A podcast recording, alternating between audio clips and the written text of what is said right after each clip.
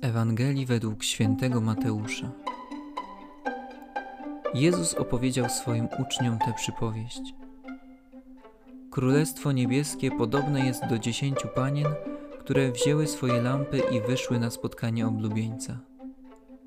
Pięć z nich było nierozsądnych, a pięć roztropnych. Nierozsądne wzięły lampy, ale nie wzięły z sobą oliwy. Roztropne zaś razem z lampami zabrały również oliwę w naczyniach.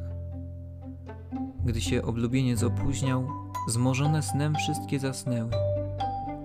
Lecz o północy rozległo się wołanie: Oblubieniec idzie, wyjdźcie mu na spotkanie. Wtedy powstały wszystkie owe panny i opatrzyły swe lampy. A nierozsądne rzekły do roztropnych: Użyczcie nam swej oliwy, bo nasze lampy gasną. Odpowiedziały roztropne: Mogłoby i nam, i wam nie wystarczyć. Idźcie raczej do sprzedających i kupcie sobie. Gdy one szły kupić, nadszedł oblubieniec. Te, które były gotowe, weszły z nim na ucztę weselną i drzwi zamknięto.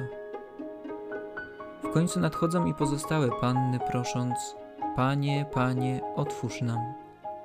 Lecz on odpowiedział: Zaprawdę powiadam wam, nie znam was. Czuwajcie więc, bo nie znacie dnia ani godziny.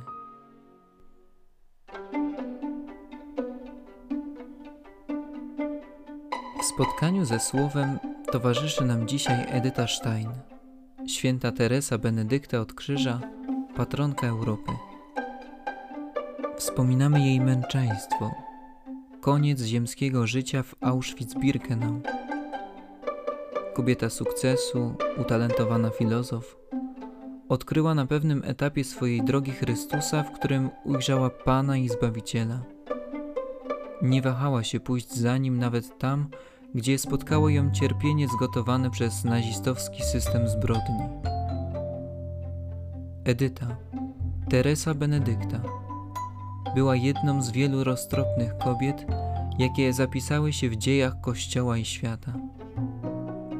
Trudno wymienić każdą z nich.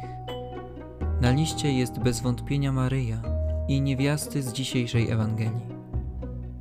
Wszystkie potrafiły wziąć sprawy w swoje ręce.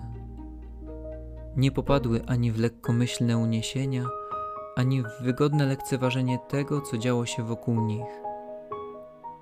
Zrozumiały swoje zadanie i obowiązek czuwać ze światłem i dbać o jego podtrzymywanie, by doczekać spotkania z oblubieńcem. Wiara jest wyborem, który powtarza się każdego dnia. Można i trzeba się zachwycić Bogiem. Warto przeżyć coś wyjątkowego, aby podnieść się z marazmu i zniechęcenia. Ale to tylko i aż początek. Punkt wyjścia do konsekwentnego odkrywania tego, co Jezus daje nam każdego dnia. Do wszystkich, kobiet i mężczyzn, starych i młodych, Chrystus kieruje zaproszenie, by czuwać, by nie przeoczyli chwil, w których On, nasz Bóg, chce się z nami spotkać. Spróbujesz zatem napełnić lampę Twojego życia oliwą wytrwałości? Dolejesz oliwy do ognia Twojej wiary?